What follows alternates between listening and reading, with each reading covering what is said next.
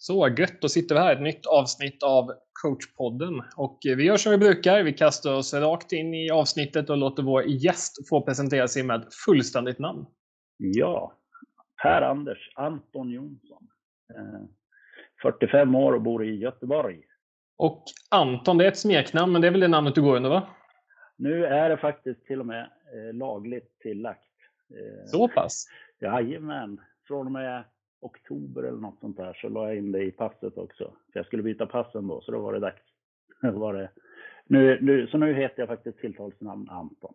Nu, nu kan jag inte gömma mig längre. Nej, men precis. Och om du får välja något favoritlag, det här kan ju vara liksom ganska brett. Det behöver inte vara någon specifik idrott. Mm. Eh, det är såklart Alfta IBK, Indianerna, eh, hemmaklubben. Det är alltid, alltid Alfta. Eh. Så det, så det får, vi, får vi ta innebandy där. Annars är det så här Premier League, Arsenal. Eh, men ja, det, jag vet inte. Det är inte så kul just nu utan publik och sådär. Så, så det, men eh, Alfta får det bli. Ja, men det var ett, var ett fint val. Vi, moderklubbar uppmärksammas oftast, oftast för lite, så det, det ska vi hylla. För lite. Precis. Det har jag även tänkt på. Nu kommer jag in i ett lite personligt sidospår där, men när man presenterar landslagstruppen skriver man ju ofta nuvarande klubb. Det har varit fint med någon liten parentes med moderklubbar där också. Ja, men eller hur. Det, det är ändå de, det är de andra, de små klubbarna som fostrar oftast till, till landslagen. Så att det, det, vore, det vore vackert. Men om vi tänker lite ledarskapsmässigt och tränare och sånt där, att när du kollar på sport, kan du liksom tycka att det är kul att följa någon specifik tränare för att han gör spännande saker? Eller kan det vara kul att kolla på liksom det här laget för de spelar ett visst typ av spelsystem? Eller har du någonting du kollar på liksom och följer för att det är spännande och liksom utmanar någon form av eh, tränarmässig gärning i dig? Eh, jag gillar ändå att kolla på lag som eh, är kreativa och vill göra något med, med bollen. Eh, och eh, det är väl därför man gillar Arsenal också eh, på 90-talet när Wenger kom, då vart de lite roligare. Och eh, det vann ju inte så mycket som de skulle, men eh, de försökte i alla fall vinna på egen kraft, om man säger så. Så att det var...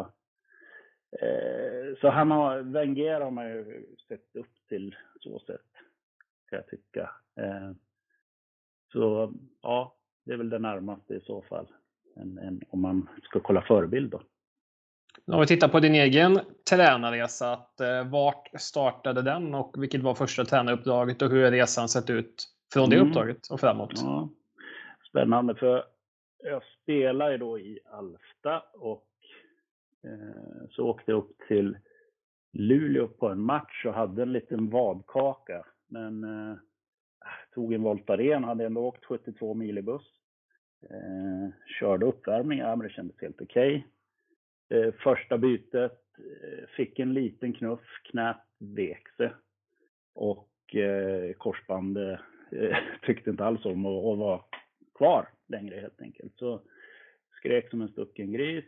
Eh, sen var det liksom att åka hem då, 72 mil eh, i buss med, med dåligt knä. Eh, strunta och åka in på sjukhuset för jag ville inte bli kvar i Luleå. Så det går ändå inte att göra så mycket när det, när det sväller upp. Så, att, eh, så att det var bara att åka hem och så fick man ta tag i det sen och då blev jag väl assisterande tränare då eh, i Alfta. Och sen efter ett halvår så då var det dags att leta ny tränare till det laget och det var svårt att hitta någon som ville flytta till Alfta eller Bollnäs eller de krokarna. Så då, då vart det följde ju lotten på mig då, att jag skulle ta laget. Så jag gjorde det i två års tid och eh, gjorde om egentligen allting. Jag hade spelat man-man fram till dess. Och eh, då förde vi in, vi tog hjälp av Haninge, lite Haninge-spelare och fick hjälp med att föra in ett 1-2-1-2 då, som många lag spelar än idag det är kanske det mest framgångsrika och bästa försvarsspelsystemet som, som finns då, tycker jag. Eh, och det var Johannes Gustavsson och Mats Ginell som hjälpte till med att implementera det där då. Så att eh, vi hade lite tufft För ingen hade i princip spelat zonspel förr och sådär. Så att vi hade lite tufft. Men det gick bra till slut. Så, så. Sen efter det, då började jag snacka mycket med Urban Karlsson. Han ville värva Kristoffer Asp till Dalen. Vi hade jättemycket snack och samtal och sådär. Så till slut sa men ska inte du komma upp och träna Dalen då? Eh, ett delat ledarskap, tänkte han. Så jag var ju väldigt färsk. Eh, Urban, eh, han gillar ju lite sådana såna lösningar och lite kreativt och helst billigt också, det var det ju. Men så fick jag förmånen att jobba med Lars Gedheim då. Och vi är ju fundamentalt helt olika i hur vi tänker. Han går jättemycket på statistik och jag går väldigt mycket mer på känsla som jag kanske backar upp med viss statistik. Då. Eh, men det var, det var väldigt lärorikt. Han är fantastisk, var fantastiskt seriös och jobbar nästan heltid med det där då. Och eh, så det var, där lärde man sig mycket. Vi hade ganska samma syn på hur vi ville spela i, ja, i grunder och sådär också då. Så, att, eh, så det funkar rätt bra. Om man, tänk, om man tänker där liksom att du sa att ni var ganska olika just det här med statistik och liksom de delarna. Men mm. är det fortfarande en grundsyn som gjorde att det liksom funkar bra eller var det liksom att ni dividera om varenda detalj på spelet eller liksom kunde ni vara överens om mycket? Vi hade väl, det vart väl mer och mera, eh, det nötte väl lite kanske. Det var, det vart väl inte idealiskt sista, eh, eller det kanske var därför det inte fortsatte ihop. Eh, så att det, det blir kanske inte idealiskt. Men ja, det funkar väldigt bra i, i ett par år där ändå. Sen kanske båda kände att ah, men det räcker nog med två. Liksom. Eh, så då skulle jag egentligen förlänga med, med Dalen, men då hörde Pixbo av sig. Eh, och det var via Niklas Ide faktiskt, för han var gift med en barndomskamrat till mig. Så den vägen så då fick jag köra med David Jansson där nere i Pixbo.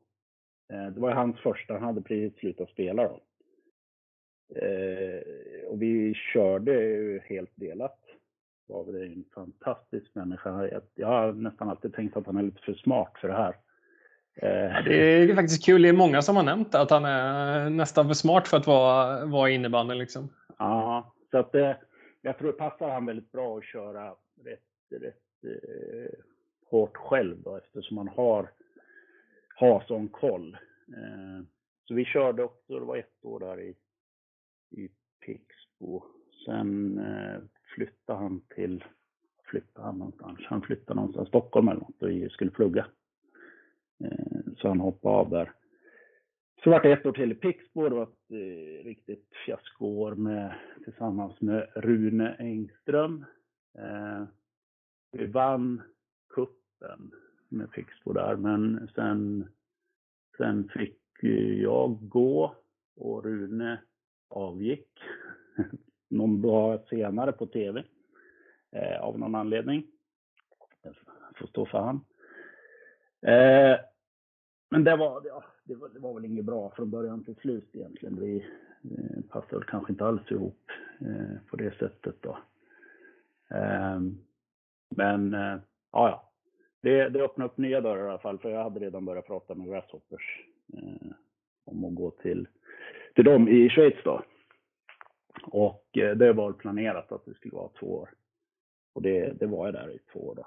Så, och sen var väl jag ganska mätt på att vara tränare. Så att det, det tog ju lite för mycket tid och jag kände endast eh, vid slutspel, liksom, då vaknade kroppen till liv och tyckte att det här var kul. eh, serielunken, jag vet inte, det tror jag förstördes i Pixbo, för vi förlorade ju nästan inte. Det gick ju liksom inte att... Eh, det spelar ingen roll vad vi gjorde, så förlorade vi inte. Vi vann ju serien jättelätt första året där. Eh, och då försvann lite. Jag, jag gillar nog att jobba när det är lite, man får jobba lite också.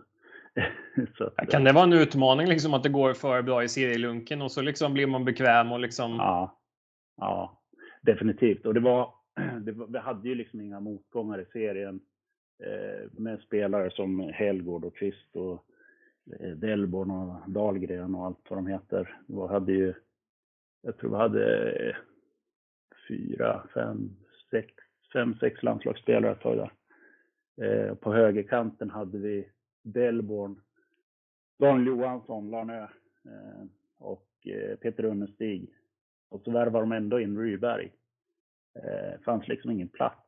Vi hade, vi hade två landslagshögerforwards och vi hade Runnestig som med, med en grym potential eh, skulle också kunna bli landslagsspelare om man hade eh, ja, jag vet inte om man hade kommit mer rätt in i det kanske.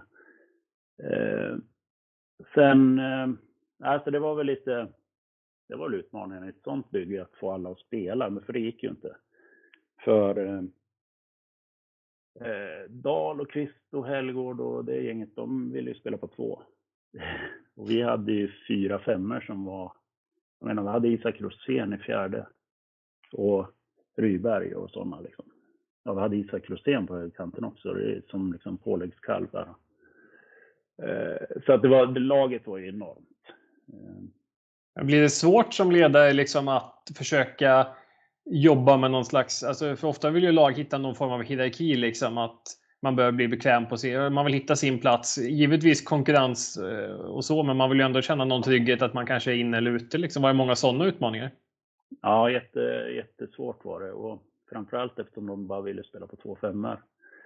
Så vi brukar alltid ligga under efter första och då var vi tvungna att gå ner på två. Ja, men då tyckte ju Helgård och grabbarna att det var lite kul igen och så vann vi då.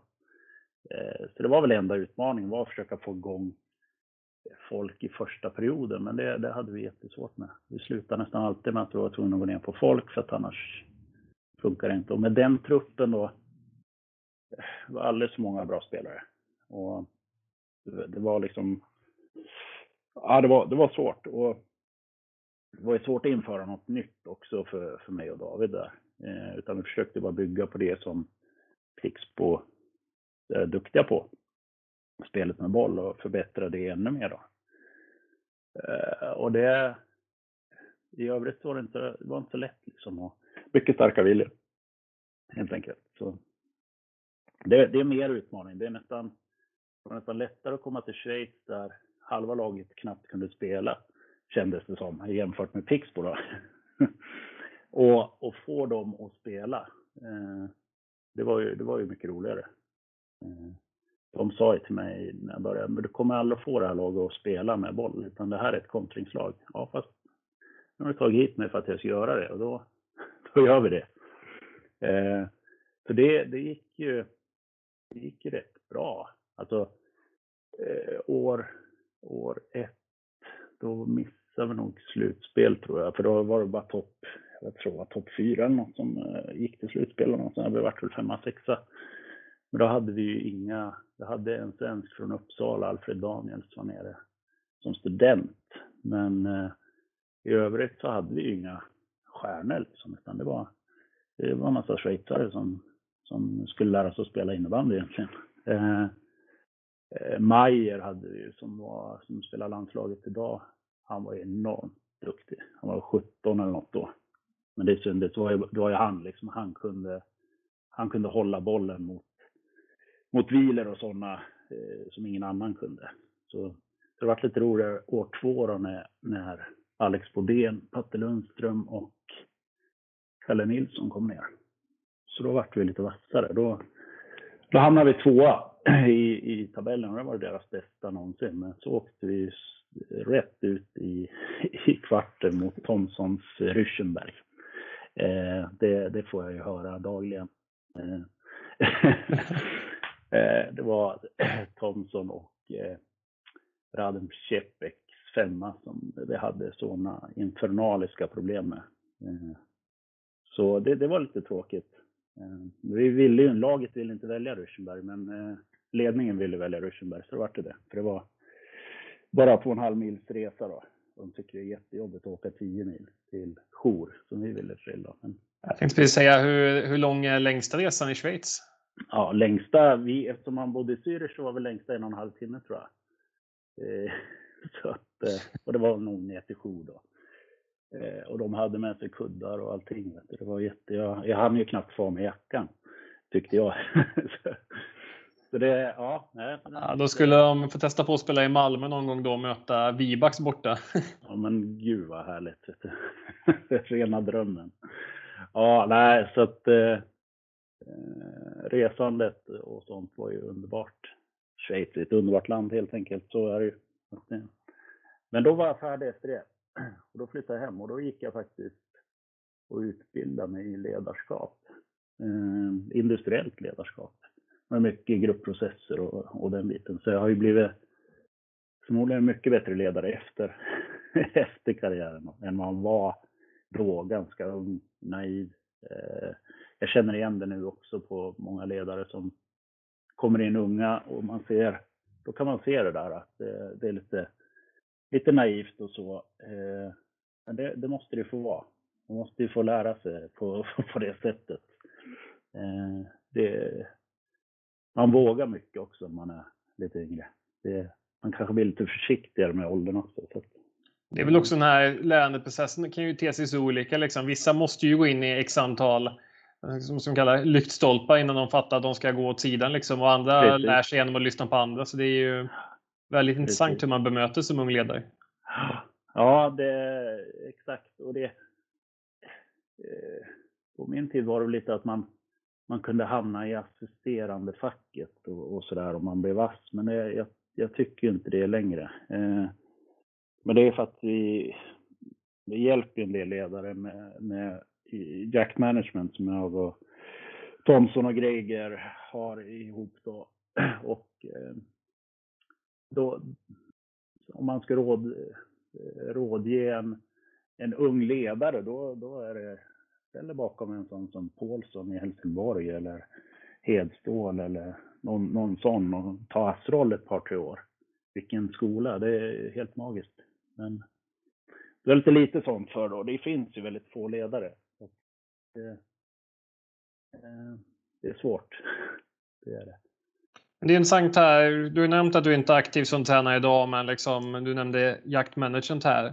Och det är ju ganska intressant att de flesta är väl, eh, som är, är inne i sporten har väl ganska bra koll på er, men om det finns någon som inte är liksom eh, införlivad i innebandyn, vad, kan du berätta lite vad, vad det är för någonting och vad ni gör? Ja, precis. Jaktmanagement är då en, en vi startade upp det här för kanoner, sex år sedan. Jag, Greger och Jonas Thomsson, Greger Wanderfelt. Eh, och eh, för vi såg ett behov, både jag och alla vi tre egentligen då. Vi hade en, en tredje kollega, en fjärde kollega med också, Olle Karlsson då. Eh, men alla såg ju och fick hjälpa spelare och ledare med, med saker och ting. Eftersom vi har varit med och känner väldigt mycket folk då.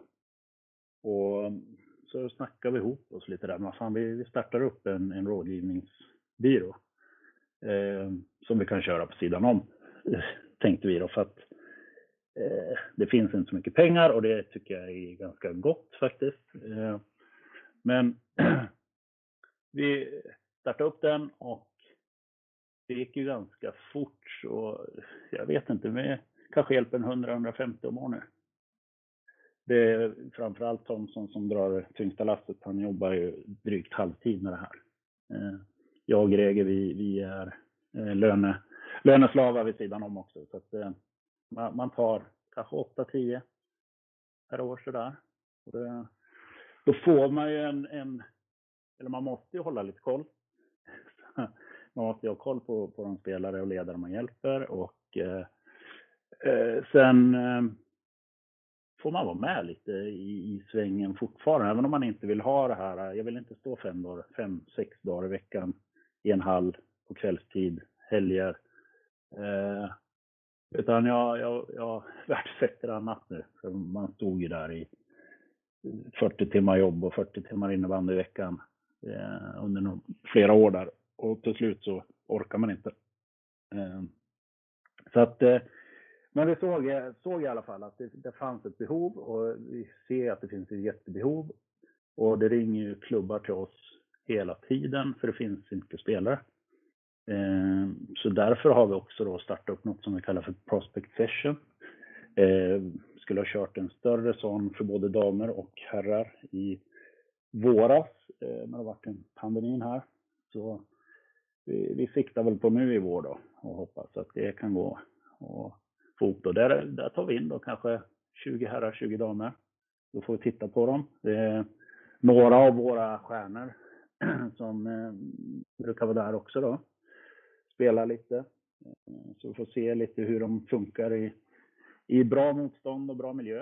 Eh, men mycket av de här spelarna, det kanske lämpar sig för andra ligor eh, eller högsta ligan Norge eller, eh, eller allsvenskan eller division 1. Det är väldigt mycket där det behövs hjälp också. Även om det inte är några pengar i det så behöver de hjälpen att få kontakterna. Så att, eh, det är väldigt mycket sådana på prospect session. Och det behöver vi göra för att vi ser att behovet finns. Så stjärnorna ser vi ändå. Liksom. Då hjälper ni till med lite allt möjligt. Allt från då att eh, hitta en förening och kanske då få spela, förstå vad spelaren får för roll i föreningen och kontakt då, eller vad, mm. vad är det för delar ni gör? Jo, precis. Det, egentligen är det, ser vi till så att avtalet blir rätt eh, och, och förhandlar avtalet. Då. Och eh, det är alltid spelaren som avgör. Många, många har missuppfattningar. När de förlorar en spelare eller en spelare inte väljer deras lag, då tror de att vi sitter och väljer, men det gör inte vi. Det är inte Robinho som åker till Manchester och tror att han har skrivit på för United och hamnar i sitt. Utan det, det, det, funkar inte riktigt så på innebandyn. Utan här är det är alltid spelarna som, som bestämmer här. Vi kan rådgöra och, och säga att ja men eh, där kanske du blir tredje center eller du kanske blir till och med, du får slåss för att eh, vara med. Men i det här laget så kommer du få en, en bättre roll. Men då, då ger vi bara förutsättningarna egentligen. Så får spelaren välja sen. Så, så det, det, det är det. Men se till så att avtalen blir riktiga och att de följs då. Eh, och sen, eh, sen under säsong, det är inte så, det är inte jättemycket kontakt. Eh, det är om de behöver. Så att, så att, nej men vi är ett stöd och det, de här unga spelarna är ganska bra för då kan man coacha lite också då. Så, att, så att det är lite trevligt då. De är, det behövs ju. För de, de har ingen aning. Så, och så har de ofta föräldrar också som tror att de har en aning, men det är inte hockey vi håller på med. Så, eh, det, är bättre, det är bättre att de tar hjälp av oss. Eh, så det, det fyller en funktion. Eh, vi har inte jättemånga konkurrenter. Kanske behövs fler, men de ser ju också att det, det, det är liksom inte pengar i det så, utan man måste ha en passion för det. Så, att, mm. så det är väl lite grann om jakt och vad vi gör nu då. Det är, det är ju väldigt intressant för det är liksom det är väl också ett viktigt steg i att liksom idrotten ska bli, bli professionellare, att vi ska kunna liksom ta tillvara på kompetens och liksom se till att den kommer ut både till spelare och föreningar och liksom tränare och allt sånt där. Det är väl mm. ett eh, otroligt nyttigt jobb eh, ni gör och alla eloge till er. Precis, tack. Eh, vi, vi, I början då var det många som var lite rädda. Jag menar, jag vet Kristina Langren Karestam, hon, hon eh, var ju arg nästan. Men så eh, pratade hon med Tommy Bostedt och sådär och, och då insåg vi till slut att det vart en hjälp istället. Då. Så, att, eh, så hon vart jätteglad. Hon ville att vi skulle förhandla hela, hela Pixbos-laget av det, men det hade kunnat bli lite konstigt då. Eh, så att, eh, för hon, eh, det, det, är liksom, det är sånt som tar tid för klubbarna. Och det tar jättelång tid när, när spelare eh, de är ute på sina hotellturnéer så att säga och, och, och lock eh, ska, jag, jag, vet inte, de kanske, vi, vi sållar lite mer om man säger så, så att vi lite mera, eh, kommer en spelare så är han intresserad. Då, så att det inte blir eh, tid och, och kraft och pengar på, på sådana som inte vill. Då. Så att, eh, ja, vi sorterar lite. Men om man tänker lite här, du nämnde just att du inte kanske just nu brinner för att stå 40 timmar i veckan utanför arbetstid och sådär. Men om vi leker med tanken att alla yttre förutsättningar med eh, jobb mm. och boende och liksom så, du kanske får någon form av heltidstjänst eller liksom alla yttre förutsättningar mm. stämmer som gör att du skulle kunna hoppa på ett ledaruppdrag. Men vilken typ av uppdrag skulle liksom du, när det kommer en klubb och presenterar någonting, vad skulle kunna locka liksom eh, dig lite? Uh, ja du, bra fråga. Jag skulle nog... Uh, jag skulle nog kunna tänka mig att vara ass eller något i så fall. Eh, och jobba med, men jobba med spelet och kanske stora drag eller ja, taktiskt eller så. Eh, samtidigt om allting yttre stämmer så då kan man vara huvudtränare lika gärna också. För det, det är ganska kul att bestämma också. så, så är det. Ja, så är det. Men eh, framförallt så, så skulle jag byggt ett bra team runt Eh, det är det då. Om man har alla yttre förutsättningar, då ska jag byggt ett, ett kanonteam och då, eh, ja, det, det, skulle kunna vara väldigt lockande i så fall. Eh, ta in rätt personer på varje plats då. Om du får placera den här liksom något speciellt ställe också, finns det någon, skulle du liksom, är det Sverige som lockar eller skulle du vara sugen på en ny vända nere i Schweiz? Schweiz i så fall. Det, det skulle inte vara helt fel att bo där några år igen. Ehm, för det är, är det ett underbart land helt enkelt. Nu kan man lite mer, man har behållit lite av språket också även om det skulle behöva uppdateras. Ehm, så min, min, min tyska är ju, ja den är ju, det går, jag fattar i alla fall men de tycker nog det är rätt roligt när man pratar. Men då, då liksom är också att det ska vara liksom på seniornivå liksom och tävla om eh, medaljerna. Liksom. Är det som mm. Eh, lockar i så fall? Ja, samtidigt, jag var ju med eh, och assisterade Fredrik Holmgren i U19 2012, 2013. Och det var nog bland det roligaste jag gjort, tror jag. Eh, supermotiverade eh, 93, 94, 95 var de född. Eh, de var underbara att jobba med. De, eh, ja, det, det var jättekul. Eh, så att något sånt skulle också kunna funka. Eh, men ja, det, det, det var kul. De är, de är roliga. De, man kan, där känner man verkligen att man kan lära folk. I Schweiz också är det lite så ju för att nu har de blivit mycket bättre. Mm. Men eh, det är fortfarande, du får lära upp lite mer än vad du gör om du tar Pixbo här i, i eh, Superligan. Så där är de ju mer färdiga. Så att du tränar på ett helt annat sätt. Eh, du tränar ju mer för match. Och att du ska hitta någon sorts form så att det funkar på match då, så att du får, kan göra resultat. Du vill ha en topprestation så att resultatet blir det du vill ha helt enkelt. Mm. Så det blir en annan sak. Du står inte och, och möter pass eller så, utan det är färdiga spelare, ska vara mer. Så att då, då tränar man mer på spelmoment och olika saker som du vill eh, få ut på match då. Eh, och lite mot specifikt motstånd, hur, vad, vad släpper de ytorna? Eh, varför släpper de ytorna? Eh, eh, vad vill de vinna på det? så måste man ju få om, om man får om eh, kullkasta det så att man får, kommer runt och, och kan nyttja de ytorna fast det är det de vill. Så att, om du förstår vad jag menar, mm, det är krångligt. Eh, och då, då blir det ju lite, blir det lite spel mot den andra tränaren. Då. Så det har alltid varit lite kul. Man, man vet hur en tränare sätter upp sitt lag. Så det, det är alltid lite roligt. Och, och ibland blir man överraskad. Eh, så att, och det är nästan ännu roligare, för då får man ju tänka om igen. Då. ja, men precis. Mm. Så utmaningar är ju, är ju, är ju sådana saker. Det, det får inte vara för lätt och för lättläst heller.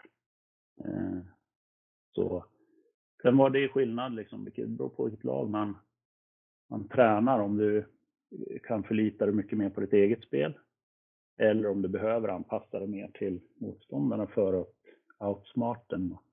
Så, så det, det finns ju väldigt många olika aspekter du måste ta in inför ett motstånd. Sen är, i Pixbo, där skulle jag helst inte anpassa det alls. Inte med det laget vi hade. Nej, för kompetensen är så pass hög så att liksom man ska kunna förlita sig på den. Ja, de vart ju bara trött när man drog något om motståndarna. Men skit i det. Så, så att, ja, så att, ja det, är, det är olika. I Dalen var det helt annat. Där försökte vi verkligen scouta upp och spela på motståndarens svagheter. Så att, ja, spännande.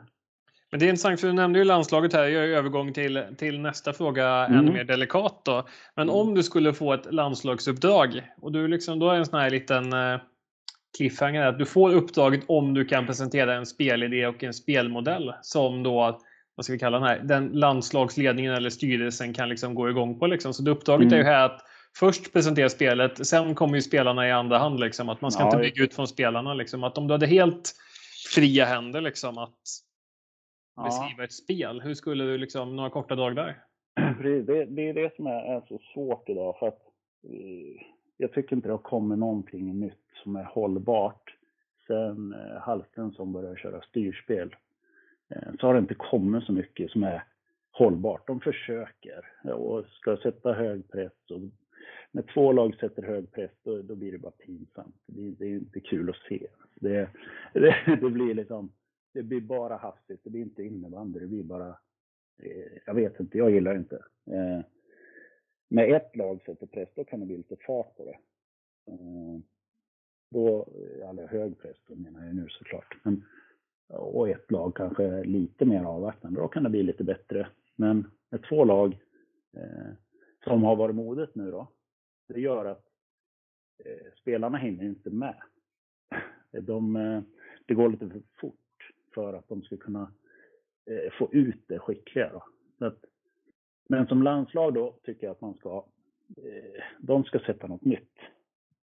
Och nu kan jag, om man kollar på senaste landslagstruppen så ser det ut som att man har plockat ut något lag för en 1-2-2. Och du tänker på herrlandslaget där? Ja, precis. Mm. Med Libros och eh, kanske wingbacks eller halvcentrar eller vad fan man vill kalla det. Eh, och något sånt skulle jag också göra om jag hade de spelarna. Eh, Eh, sen skulle man kunna ha den som med, med någon typ av variant eh, med olika vridningar och olika styrningar eh, och även full press då. För det man vinner mycket på det är att då kan du nyttja en sån som Emil Johansson som hamnar som forward och så blir eh, om han är på höger vinge så i anfallsspelet tänker jag nu då, då kan vänstervingen bli mer en back och så hamnar du mer eh, så att du har safe också då. Eh, men jag gillar ju det eh, som Brottmans anfallsspel med med Falun, det, det, är liksom det är rotationer hela tiden. Det är inte så fast med eh, backar och center och forwards utan eh, så någon typ av sånt spel eh, där, där man dominerar matchbilden ganska rejält och vill ha bollen då. Där måste ju landslaget eh, komma framåt med att de kan inte spela massa röda pass hela tiden. De måste, de måste avväga mer och bli mindre slarvigt. Men jag tror att det kommer av, av att det har blivit slarvigare spel överlag de sista åren. Det, det är inte lika... Det, det, är inte lika... Eh, det går för fort, tror jag. Så att, så att det, det går runt lite grann. Eh, hur mina tankar är runt det här med spelet och, och landslaget just nu. Jag tycker det inte är så roligt just nu. Eh, och samtidigt är det, det är inte så jävla kul när två lag ställer upp sig på mittlinjen heller. Som det var ett tag. Alltså, skulle man snarare kunna jobba med förändra för, alltså istället för att känna att man blir påtvingad att vi måste spela ett nytt spel för att det ska vara attraktivt. Alltså, det har ju varit diskussion förut om man skulle lägga in regler liksom, som tvingar lagen att bli mer offensiva. Jag vet inte, det var väl förlängd mållinje, offside eller liksom. Är det något sånt som skulle behöva förändras? Nej. Det du kan göra är att, höja sargen bakom mål. Eh, man får rädd för att det kan bli lite farligare tackling, jag vet inte. Men höj upp där så det blir lite mer avslut kanske då. Och så kanske du kan använda sargen för att du kan då sätta press i andra vågen eh, på ett annat sätt. För nu om du skjuter eh, över sargen, då, då blir du blir av med bollen lite för lätt. Så du tar inte det där avslutet. Och eh, det, du kanske inte stannar kvar i pressen heller. Så att du vet att ja, det där går ju över ändå, så är det deras boll och så måste vi liksom omorganisera oss. Eh, men vet man att det är större chans att bollen hålls kvar inne i zon, då, då tror jag man ligger kvar i pressen högre och bättre. Då. Så, nej, men annars tror jag inte på att reglera. Nej, det, det tror jag. Det är bara hastigt tror jag. så, så lägger de över den där bollen och ja, men nu har inte de varit över halva, men då, ah, jag vet inte, nej, det, det tror jag inte på. Nej, och det, det är ju intressant för de diskussionerna går ju liksom upp och ner i, i cykler. Liksom, att, eh, mm det har ju varit liknande med spelet att vissa saker blir populära och så känner folk att det här måste vi hänga på. Liksom. Mm. Ja, eh, precis så är det ju och det, det går i, i sina vågor. Eh, det är ju, jag vet inte. Eh, men landslaget för mig då, och som eh, Sverige ska, tycker jag, dominera med tanke på vilka spelare vi har. Om du kollar nu på B-truppen så att säga. Det, det landslaget hade man kunnat ta i alla dagar i veckan också, de 18 spelarna som var över. Liksom. Mm. Det, de skulle också vinna. så att hålla på och snacka om enskilda spelare in och ut i landslaget, det, det tror jag inte heller på. För att det, det är vad som passar in i förbundskaptenens tankar och idéer och det har inte vi någon insyn i. Eh, och det finns som sagt var säkert 60 spelare som är tillräckligt bra. Att, man kan dividera hur mycket man vill om, om landslagsuttagningar, men det är inte intressant. Det intressanta är som du nämner med spelidé och eh, hur vi vill agera som, som lag. Det, ja, det ska bli jättekul att se. Eh, kombinera Nordén och Brolle är väldigt spännande. Bra idé, hoppas jag. Men om vi tänker lite då själva här processen och hur man vill spela och såna här saker. Att jag tycker man är, det är många tränare som är duktiga på att berätta om hur de vill spela och så, men hur jobbar man med sitt lag för att få dem att förstå att man mm. spelar? Vi tänker liksom landslagsuppdraget är ju kul för då kanske det kommer ett gäng som ingen har spelat det här spelet förut. Liksom. Hur ska man då visa dem och få dem att förstå liksom, hur de ska göra? Mm. Eh, se, höra, göra tänker jag då. Eh, eh se, se exempel. Eh, upp, uppritat idag finns det så bra verktyg också. Eh, och så höra, prata igenom det. Och så får du gå väldigt hårt in på, på rollfördelningen. Så att du, du får prata enskilt med, eh, med vänsterbackarna eller vad det nu är då. Eh, så att de kan sin roll. Och så ska de även ha helheten då. Eh, och sen är det att göra. Och det är att nöta. Det är, eh, jag menar, i, säg att jag tränar fyra gånger i veckan. Eh, när jag hade Pixbo som var offensivt det absolut vassaste vi gjorde i mål, hur mycket mål som helst. Vi tränar ju def eh, ungefär 30 procent av tiden. Eh, sen blir det ju då om man spelar, det är väldigt mycket spelmoment. Eh, väldigt mycket sånt och där. Och då blir det ju även anfall. Så att mm. det, det, man tränar på hela tiden, eller det vi tränar på hela tiden var egentligen eh, spelet.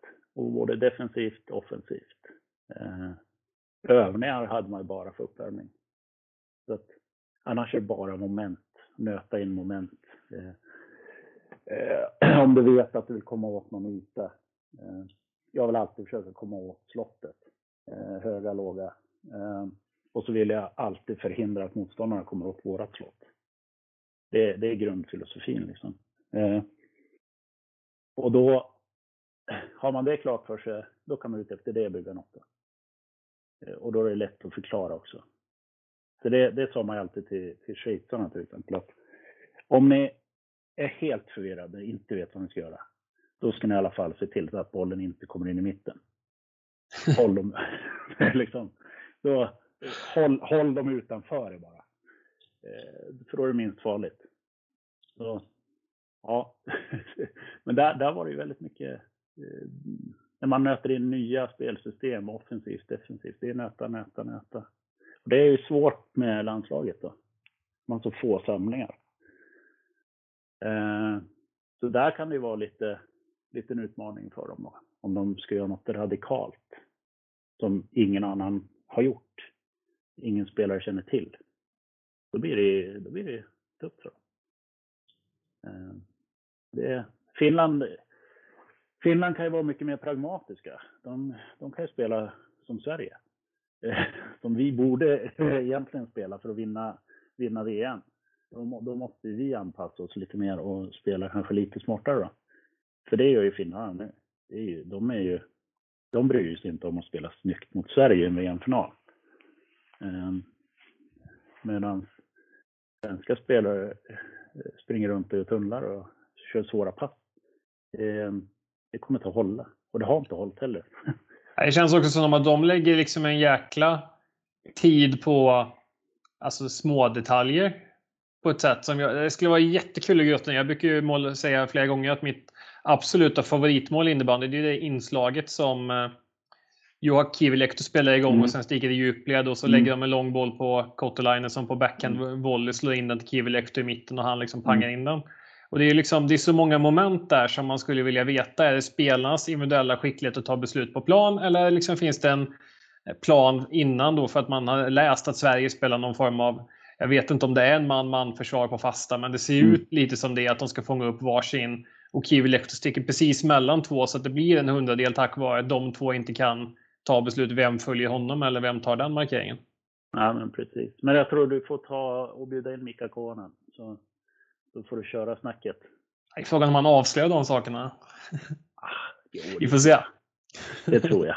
Det tror jag.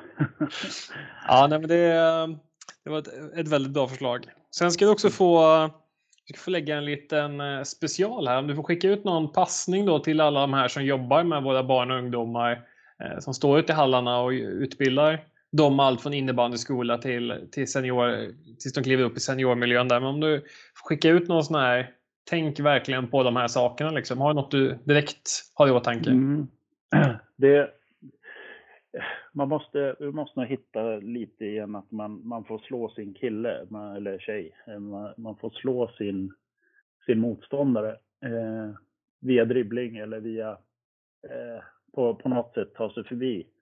Eh, jag tycker det är lite för lite sånt nu. Det blir, man bara står och täcker. Det, det, det, det är trenderna i fotbollen också tycker jag. Att man, man står och bara passar runt liksom. Det, alla ska vara Barcelona. Eh, alltså, men ingen vill vara, ingen är Messi liksom.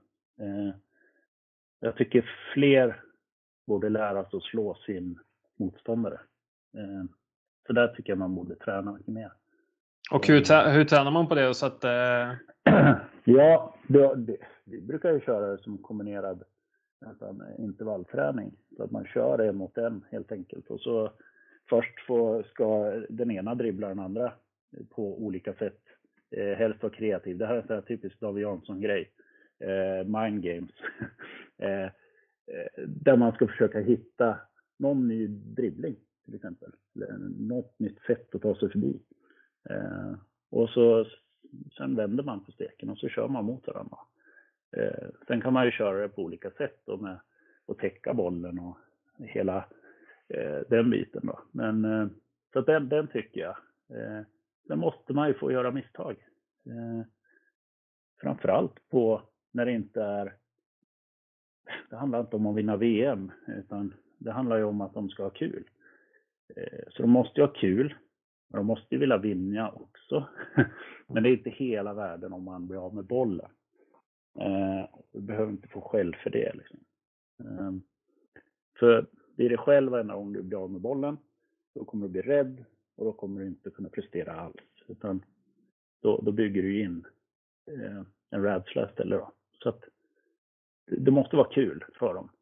Och, och det brukar vara kul att vara kreativ. Så att det går väl lite hand i hand, tänker jag.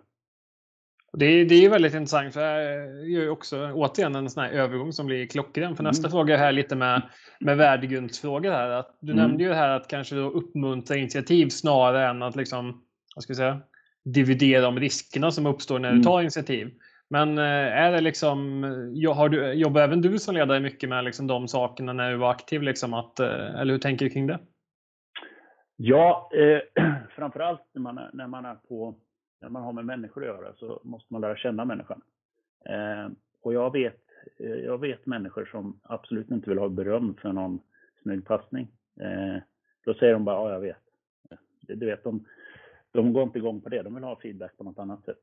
Eh, Och vissa vill ha lite mera piska. Och de allra flesta brukar vilja ha mer morot, men eh, ska de ha en morot, då, då ska det vara något som är lite utöver vad deras normalstandard är, så att säga. Ja, inte en back-backpassning i sidled. Nej, bara jättebra pass. Ja, men, då blir det liksom, då tycker jag att det blir löjligt. Men du måste lära känna människan då, och då, då gör man det med, med feedbacksamtal. Eh, eh, vi hade hjälp av Stefan Holmström i, i Umeå. Och han jobbar då med mental rådgivning, coachning. Eh, han har även jobbat med, med eh, Luleå och Frölundas tränare Roger Rönnberg. Så jag var på en föreläsning med Rönnberg som vi hade på jobbet. Då snackade han om sådana här saker. Om, eh, och jag bara, det där har jag också hört. Eh, så allt det han jobbar med nu idag i Frölunda, det gjorde vi också då i Dalen 2004 till 2006. Och då, då var det den bästa feedbackrundan. Börja med, sluta med, fortsätta med. Och då får du in alla delar egentligen. Eh, ibland körde man bara börja med, fortsätta med. Eh, och ibland körde man hela. Och det var snabb feedback. Och så hade man det till nästa gång då. Eh, och då, ju mer du pratar med människor, så ju ju mer kommer du förstå dem. Och ju mer du förstår dem, desto mer rätt kan det bli. så att, eh, och får du den människan då att må bra och den fattar vad, det, vad som krävs av den, då kommer du att få resultat. Eh, så att det, det är väl det jag, det, det tror jag på. Eh, sen var man väl sämre på det förmodligen då för 10 år sedan, 12, 13, alltså det har hänt mycket sedan dess. Man har utvecklats förhoppningsvis. Eh, eh, ska inte säga att det var världens bästa tränare då. Och skulle förmodligen vara bättre idag. Fast då hade jag ju drivet och det har jag inte idag. Så då skulle jag väl ändå vara sämre idag då. Förstår du vad jag menar? Ja, det är klassiskt moment 22. Mm, exakt. Eh, men jag tänker liksom, det, det är många liksom eh, frågar om och liksom där. Det är ju sån här klassiker att hur ska jag hinna med och se alla spelarna jag har liksom kanske inte upp på en bit över 20 liksom att hur jobbade ni eller hur skulle du tänka en strategi idag? Liksom? Att hur hinner man med det? Liksom, är det fasta tider? Nu idag ska jag prata med den spelaren eller hur, liksom, hur, hur tänker du? Nej, det, jag brukar boka upp. Eh, så hade man sådana feedbackrunder, hade man lite oftare. Och eh, sen hade den här stora, eh, stora samtal som kunde vara mer, mera eh, djupare, längre. Det är intervjuer egentligen, som du gör nu i princip. Eh, kanske en gång om år. Eh, och alltid vid uppstart för att lära känna eh, nytt lag, då får man ha eh, en, en, en och en halv, två timmar med varje spelare. Då. Så, och lära känna. För det, det, den processen tar tid och det är smekmånadsfaser och det är, hela Firo ska gås igenom rätt fort. Då. Eh, Ja, och ibland kommer man inte, kommer man inte vidare. Eh, och varenda individ som kommer in och ut i gruppen påverkar ju hela, hela den mm. sammansättningen. Då. Så att, eh, ja, det, det, är spännande att se utifrån. Men jag tänker på Modo förra året. De spelade så sjukt bra med den trupp de hade. Och sen går de ut och värvar in några så kallade stjärnor. Mm. Och bara raserar hela. De tar in någon ny målvakt. Han, han de hade hade varit fantastisk. Eh, sätter han på bänken. Du vet, du förstör hela laget. Mm. Jag, jag, jag fattar inte hur de jobbar. Och Det är intressant för där kan man ibland se liksom eh, jag tänker också den här själva rådgivningsprocessen att för spelare och ledare att det är så otroligt intressant om man nu jobbar med någon form av kanske tränarstab och så har du en sportchef att de, de inte är i synk. För det kan ju kännas mm. så jäkla märkligt att tränaren mm. kanske har en backuppsättning som den är nöjd med. Liksom. Och så tycker mm. sportchefen att nej, vi behöver bli mer offensiva. Och så tar man in en offensiv back som tränaren säger inte vill spela och så blir det mm. liksom mm. jättedumt för allt och alla. Mm. Precis, och det, det jag, jag, förstår mig inte riktigt på när, när folk bara värvar, eller sportcheferna bara värvar och så har de knappt pratat med tränaren eller tränaren vill inte ha den, för det, det kommer inte att funka. Eh, den spelaren får en riktigt, riktigt jobbig uppförsbacke eh, om tränaren inte vill ha den. Då är, det är väl liksom, nu kan jag, tänker jag bara högt här, men då är väl ett ganska klassiskt tips för, för liksom unga spelare att liksom prata med tränaren också, inte mm. bara gå på vad någon sportchef tycker och tänker. Exakt, och det, det, det, säger vi alltid också. Att vi måste prata med tränaren och vad, hur, hur de tänker sig din roll. Vad är det, eftersom det ser ut så här i det här laget. Då, då, måste, då måste du prata med tränaren. Vad tänker tränaren? För det är sällan en, en tränare sitter och ljuger rätt upp i ansiktet på någon.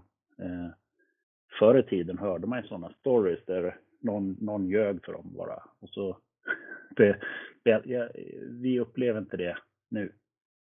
Eh, så mycket. Jag tror vi filtrerar bort en hel del där faktiskt. Så att, där, där har vi ett, ett, eh, en viktig roll tror jag. Så det blir så rätt det kan bli. Sen blir det alltid, kan alltid bli fel ändå. Eh, men det, det har med prestationer att göra också. Mm. Nej, det är spännande. Men om man tänker lite mer, fortsätter på kommunikationsspåret här, men jag är lite nyfiken på kommunikationen runt en match. Om man tänker liksom hela processen i grova drag. Liksom, att, mm. hur, hur har du jobbat? Liksom, allt från att man kanske Titta lite på någon motståndarmatch att man förbereder sig och liksom själva matchen i sig. Att om man går igenom processen där, kan du dra någon sån? Mm, absolut. Och det, när man, om man har säg seriematcher då, då har man ju oftast en match i veckan kanske då.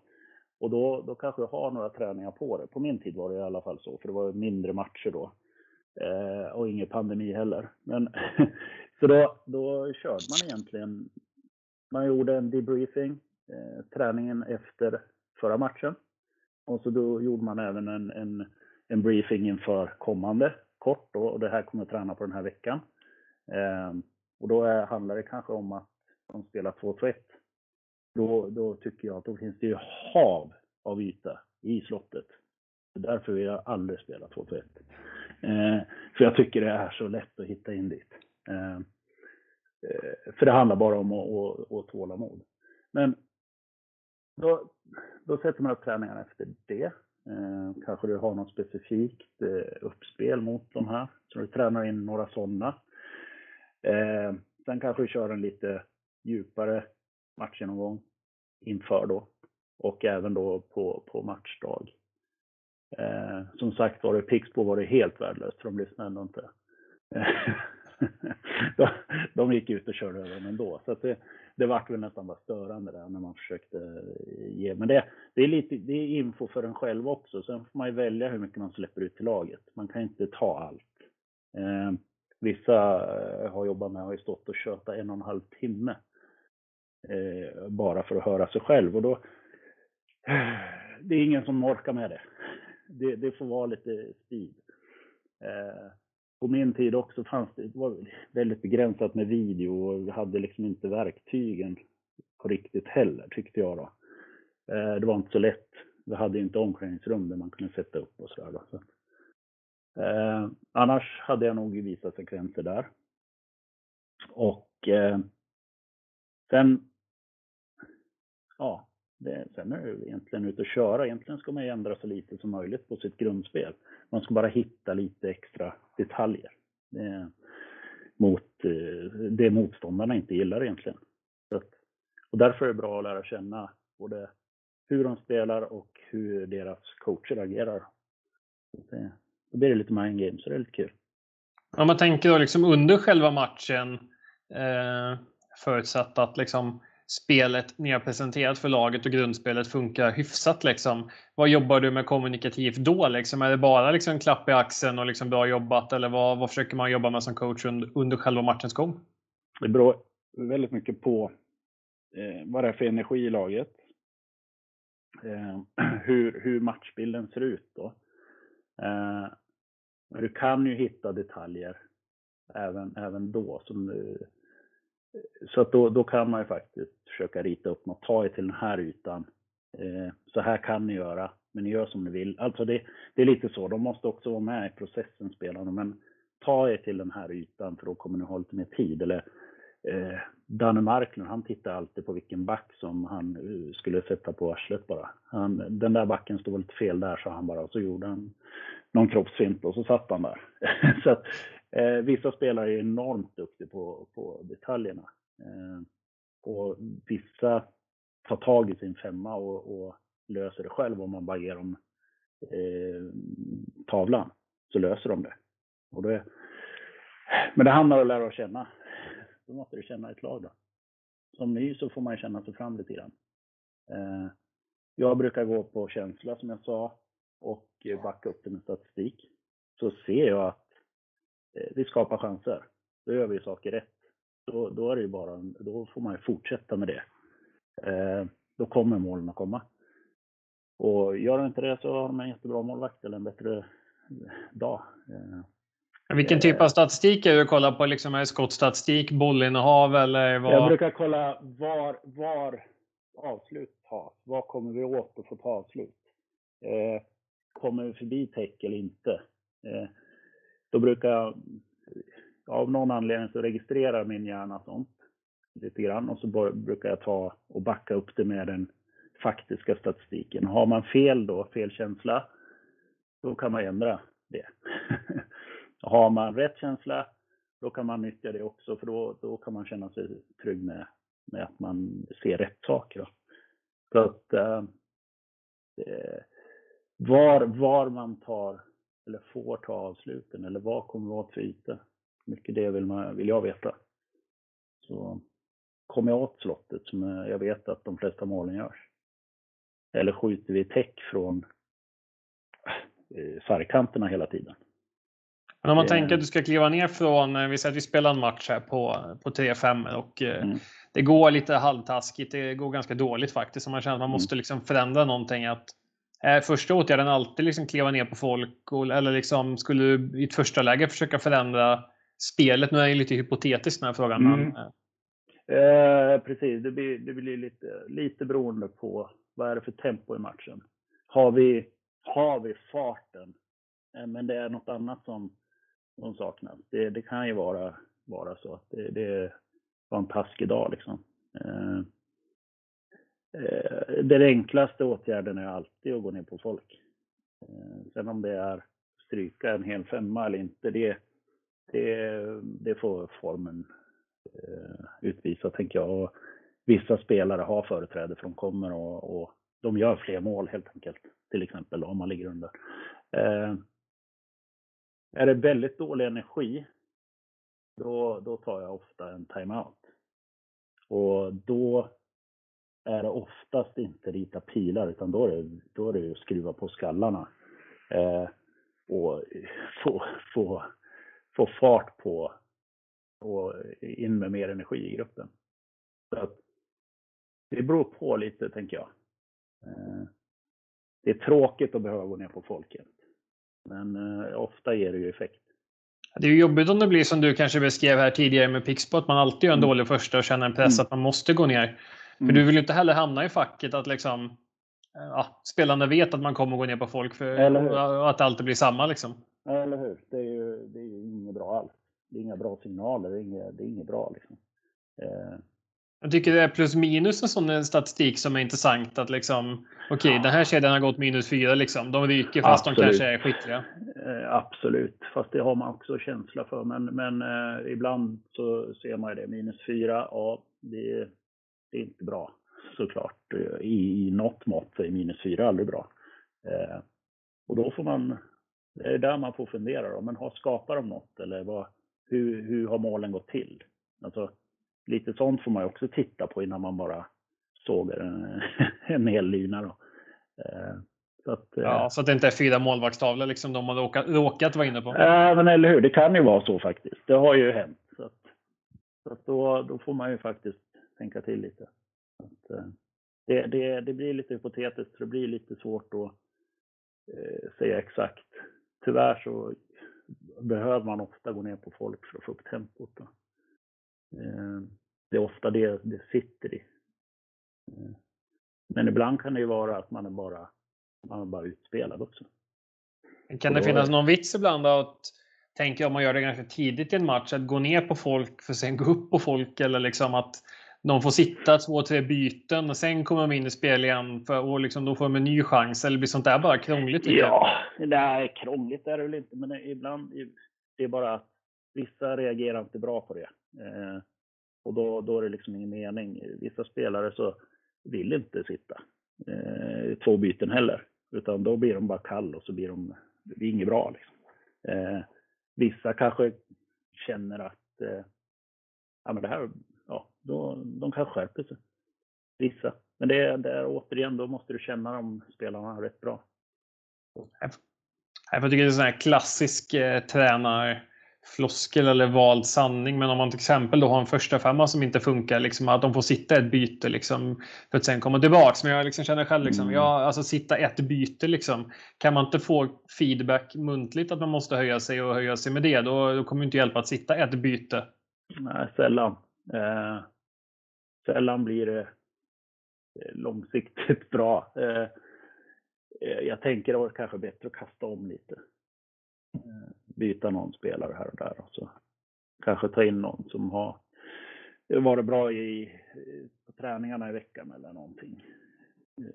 Bara för att få någon ändring så istället, tror jag. Och det, återigen då, då måste du ha en samlad bild av vad har hänt tidigare under matchen. Mm. Förhoppningsvis så har du ett bra team, ni kan snacka ihop er lite. Så kommer man fram till något som är, blir jättebra, förhoppningsvis.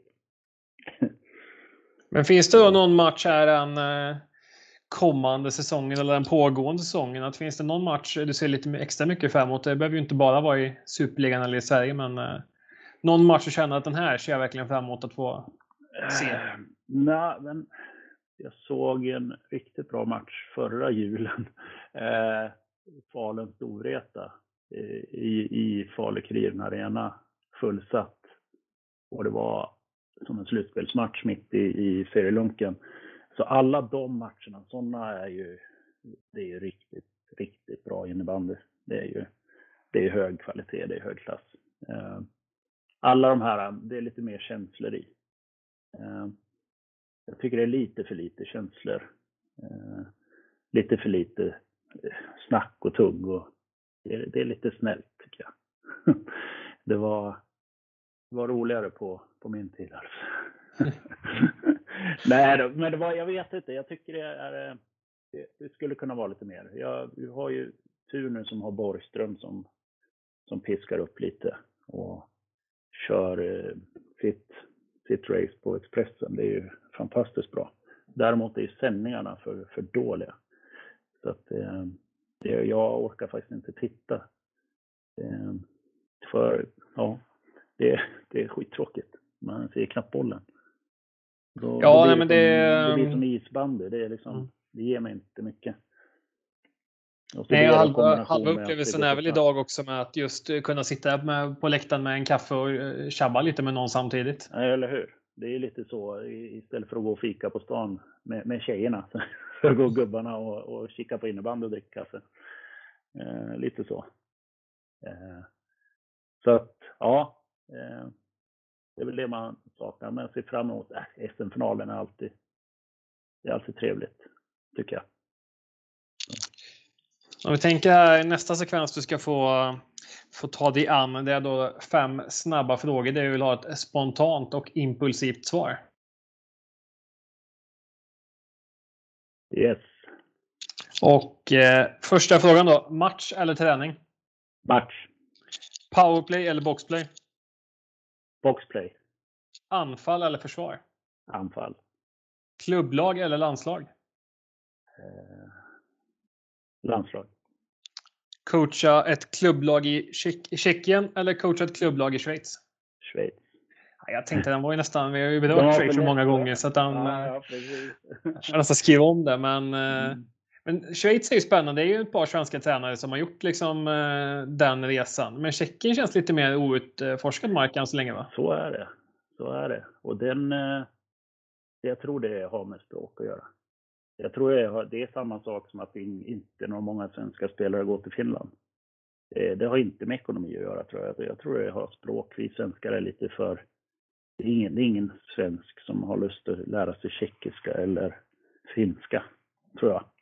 Jag tror det är det det sitter i. Det är, det är lite mer intressant att lära sig tyska. Eh, och ja, så det är, nog, det är nog mycket det det sitter i. Ja, det var faktiskt lite kul. Jag ska bjuda på en liten personlig anekdot här. Men vi, jag var ju med och anordnade IFT i Uppsala där jag var då kontaktperson för alla ja. landslag. Mm. Då sa de just det, liksom, att ah, man får lite koll på finnarna och tjeckerna. För de är liksom inte, schweizarna kan man prata med precis vad som helst. Liksom. De förstår allt, liksom, även om mm. svenska liksom, lär de sig på tio minuter. Mm. Uh, men uh, då sa de det just att schweizarna och finnarna kan vara lite luriga. Och då hade vi en finsktalande kille med i arbetsgruppen där. Så jag kände att ja, men mm. Finland är inga problem.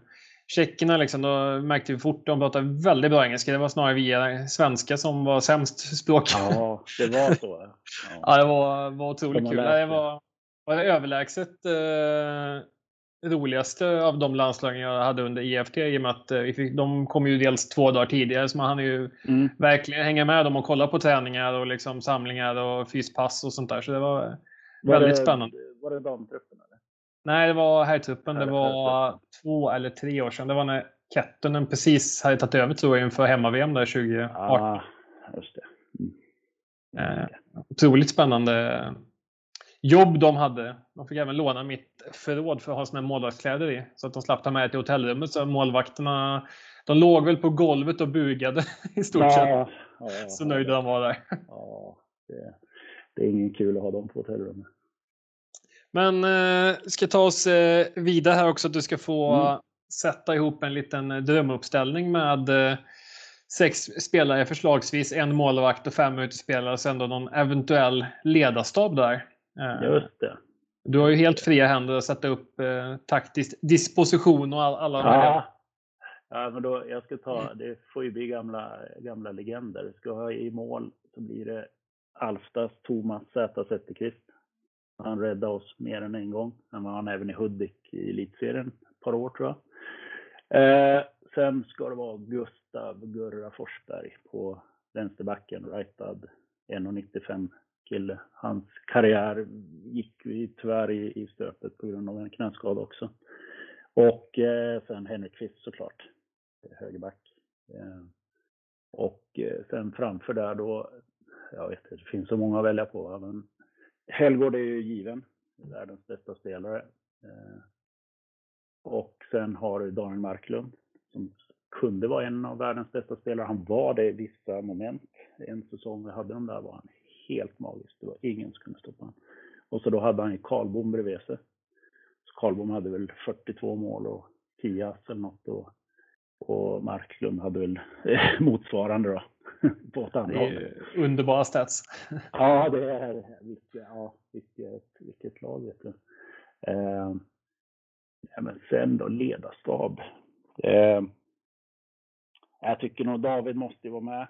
Han är ju han är nog eh, den, den, en av de vassaste nu tillsammans med Brolle och Nordén. Eh, så äh, David och Hedstål kan, kan nog eh, coacha dig på ett bra sätt. Ja, men det var spännande, spännande du och spännande val. Ja, vi får se. Det kanske aldrig händer. Men det, det, ja, det är några bra spelare. Vi skulle kunna ha tagit Martin Dahlgren.